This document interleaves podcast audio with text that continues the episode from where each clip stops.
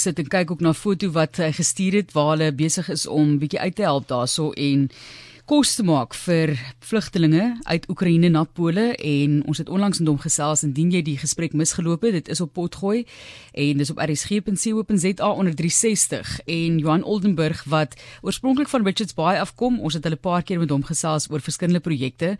Hy's 'n Nederlandse modeontwerper onder andere en hy het later aan besluit toe hulle in Frankryk is om 'n bus te laat kom van Nederland af om van die mense van Oekraïne 52 te help om te gaan na Nederland na veiligheid waar hulle versorging kan ontvang en hy is weer by die Poolse grens is in Pole op die oomblik en om nog met Oekraïne of Oekraïense persone te gesels om te hoor hoe gaan dit daarso om in te loer om hulp te gaan verleen baie welkom in jou Johan Dankie Marcelies Ek het nou vir jou gevra uh, voor ons begin het hoe gaan dit met die energievlakke Ek vra nou oplig, hoe gaan dit met julle? Hou julle nog na die lang dae van van hulp verleen? Nee, jy gaan jy ek moet sê my voete is uh, breek af. En jy staan vir ure uh, uh, op een plek stil om broodjies te smeer. Ek dink ek het hierdie naweek seker 2000 broodjies het ons gesmeer uh, vir mense wat langskom by die treinstasie. Maar uh, dit gaan goed. Baie bly dit gaan goed, goed vir die siel ook om op so 'n manier te kan help. Ons sê vir jou baie dankie altyd vir daai medemenslikheid, maar hoekom het julle besluit om terug te gaan na daardie area om te gaan help by Pole? En ek weet jy het gesê jy het water ook bymekaar gemaak om saam te neem of af te stuur.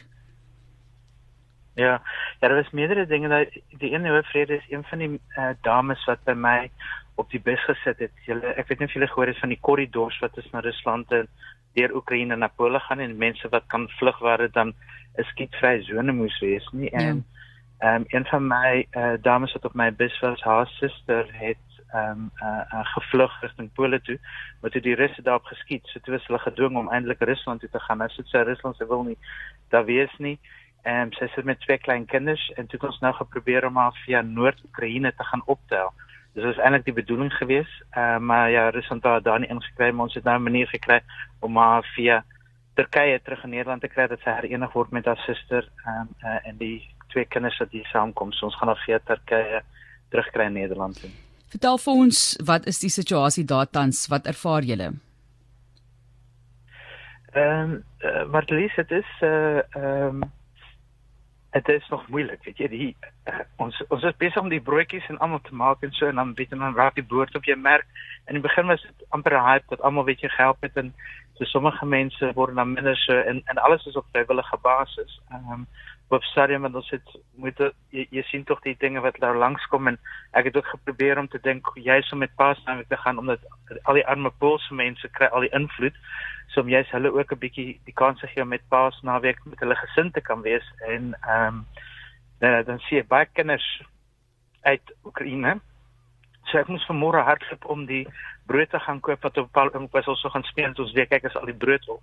Dus ek hardloop na 'n bakkery toe en ek het elke brood wat ek kon kry in die bakkery ek gekoop en gesê ek vlies maar in want ons ekstra brood vir die komende weke. En ehm um, uh, ek het toe ook na 'n winkel gestap en elke soms 'n 'n 'n eiertjie pas eier wat ek kan koop vir 'n sjokolade vir die kinders want ek voel so sleg vir die kinders wat nou vlug uit Oekraïne wat daar op 'n bankie sit. Hulle kan ook nie eintlik pas vier nie. So weet jy, ons almal ook Christene, so die Paasfees is vir hulle ook 'n belangrike betekenis. So die kinders daar 'n bietjie gevoel het met 'n sjokolade of iets.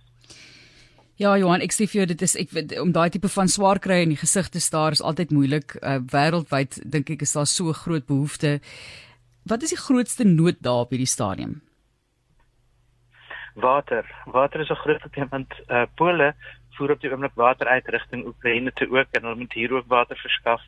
Ehm um, ons het uiteindelik het ons gesit want ons het uit Nederland het op 'n moment ook 'n uh, uh, trokke met 'n uh, pallets met water gestuur wat ek almal gekoop het om uh, deur te stuur. Ek het nou met 'n Poolse vriendin van my Isabel uh afgestem en in syte kontak gekry by fabriek waar ons regstreeks 'n uh, uh, water wat hulle vir ons al regstreeks bottel en water vir al die mense weet jy want uh, aan die einde van die dag is water een van die belangrikste oorlewingspunte wat jy nodig het om te kan oorleef. Ehm um, soos ons is baie besig om water en die tipe dinge uh, uh te kry vir die mense. En natuurlik 'n broodjie, 'n kappe soep, uh, daai tipe dinge. Um, om te sorg dat dit aanstroom en dat die mense net uh, gesond bly wat oor die grens kom. Want jy merk veral nou die mense wat ver oos kom wat swaar getuise word hulle kom nou uiteindelik weer. Ehm um, en en en dit dit sukkel. Dit is dis dis jy sien dis dis veral sukkelende mense wat nou nog op die laaste moment wat lank deurgesit het in Oekraïne wat nou begin deurkom. So dit is maar nie lekker nie. Johan, jy het in kontak gebly met die mense wat julle dan nou per bus van Frankryk na Nederland geneem het. Julle was in Frankryk met vakansie en het gesê kom ons kyk of ons kan help. Hoe pas hulle aan en hoekom het jy besluit om by hulle lewens betrokke te bly nadat jy reeds gehelp het? Jog, maar Lies, dit is die dierbaarste mense. Hulle is regtig ek is so trots op hulle hoe hard hulle werk om probeer in Nederland in te bekom en so ek is verskriklik lief vir die bes van die mense. Ehm um, uh uh, uh weet jy al die vrou weet jy die, die Olimpiese swemster wat ek julle van vertel het vorige keer ehm um, sê ek het vir werk gereël by die munisipaliteit uh se swembad om swemles te gee en in die aande dan leer sy haar sinnetjies nou in Nederlands. En dan sê sy uh spreek sy dit in via WhatsApp en dan spreek sy vir my dat ek moet hoor of sy dit goed uitspreek en nou hoor jy so mooi hoe sy dan sê swem op jou rug sy het alle sinnetjies wat sy het ons vertel vir haar sodat sy vir die kinders kan leer Ehm um, en almal probeer so jy probeer en hulle wil bitter bitter graag almal werk en hulle inkomste en nie alleen maar op subsidies leef nie, hulle is baie trots. Ehm um, so ons probeer vir almal die dinge te hê. Ehm um, en dit gaan regtig baie goed met hulle. Ehm um, en hulle is liewe mense en dit is mense wat ja, hegte vriendskappe word dink ek aan die einde van die dag. Dit het my almal al gesê ook laas van hulle wens as die oorlog oor is dat hulle my na Oekraïne kan uitnooi sodat hulle my ooit daar kan kos kook.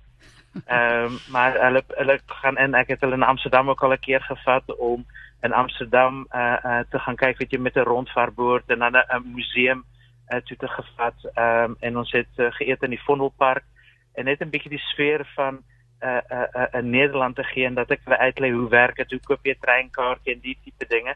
En dit is die basis van die mense wil nie in Nederland eintlik gewees het. Dit was nie hulle vrye keuse nie. Hulle is nou bly hulle is daar, maar dit was nie hulle keuse gewees soos 'n immigrant se keuse nie. En hulle is dankbaar dat hulle daar kan wees, maar tog moet hulle nou vinnig het leer en om net die mense te gaan haal en te dump eintlik in Nederland en hoop dat dit goed gaan is pas nie homal by aard nie. So ek wil graag hulle net help om bietjie verder te kom en ook in hulle uh uh verdere prosesse vir die tyd wat hulle ook in Nederland bly. Julle is nou alweer op pad terug huis toe uh, nadat julle in Pole gaan help dit en gaan kyk wat 'n mens daar kan doen om die mense te ondersteun. So dis 'n ver entjies ry terug huis toe. Hoe lank moet julle nou ry? Ehm um, ons is nou nog net ons het uh, seker uur terug begin want hier is eh, ehm uh, um, ook twee produsente, eh uh, uh, Neil van Deventer uh, en Charlene uh, Brouwer en hulle is besig om dokumentêr vir Suid-Afrikaners te maak oor wat presies nou gebeur in uh Oekraïne dat dit op beeld en 'n goeie beeld vir ook vir Suid-Afrikaners is. Ehm um, en ons gaan nou via Berlyn ons sal vanaand oor uh, uh, uh ongeveer rond 6 uur ons in Berlyn wees. En daar sal ons dan uh, en het hulle nog 'n gesprek met 'n persoon wat hulle graag wil hê. En ek dink hulle gaan oor môre terug Suid-Afrika toe maar ons sal môre weer terug in, in Nederland. Want jy kan op sig van uh een dag vanaf die Pools vanaf die Oekraïense grens na uh uh, uh Nederland toe ry maar uh, dan so 12 ure agter mekaar so ons het maar twee keer gesplits om 6 uur 6 uur te ry dan sal ons uh, oor twee dae dit doen. Ja, mense wil nie daai dokumentêr misloop nie. Dis 'n pragtige storie vertel en van die mense wat self vlugtelinge is wat deelneem aan daardie gesprek. Maar Johan, hoe gaan dit laasens net met jou eie hantering en verwerking vir julle van wat julle sien en ervaar? Ek weet 'n mens iewers moet jy gaan afpak en aflaai by iemand wat ek verstaan julle wel gedoen het. Hoe ervaar julle dit sover? Nee, dit gaan goed. Ek, ek moet heel eerlik sê dat ek voel sleg dat ek so regtig ook emosioneel was tydens die 'n uh, 'n uh, 'n uh, uh, uh, gesprek met jou en ek het vir myself gesê ek gaan hierdie keer nie huil nie, maar maar uh, ek het my beste en jy kan gewoon, weet jy, dit is onskuldige kinders wat jy sien en weet jy, ek dink dit is onmenslik as jy nie geraak word uh, uh, deur die arme kinders nie. Ehm um, uh, maar dit gaan goed en daar is seker 'n uh, hulp definitief paar mense wat help. Ek het ook vriendinne wat self in die psigologie is en almal sê dit gaan al die goeie kant op, maar dit hoort maar by die mensdom om uh, dit te verwerk en ek dink uh, uh, emosies maar teken dat ek daarmee 'n hart het. So ek is ek vir my nie skuldig daaroor. Baie dankie weer eens Johan Johan Oldenburg. Ons sal so deurentyd weer by hom inloer om te kyk hoe gaan dit met die mense, die hele konsep van vlugtelingstatus en hoe jy by 'n hele ander wêreld ingepas word, nê, nee, en moet ak akklimatiseer en die kultuur aanleer en hier is daar nou mense wat sê hulle vat hand. Baie dankie daarvoor Johan Oldenburg is dan 'n Nederlandse modeontwerper. Ek sê onder andere want daar's 'n paar ander hoedens wat hy ook dra, maar hy het nou die Poolse grens besoek met Oekraïne om nog daar te gaan help te help met kos en met water en is betrokke by die vroue en kinders wat hulle gehelp het om van Frankryk na Nederland te gaan om daarso 'n nuwe lewe te begin.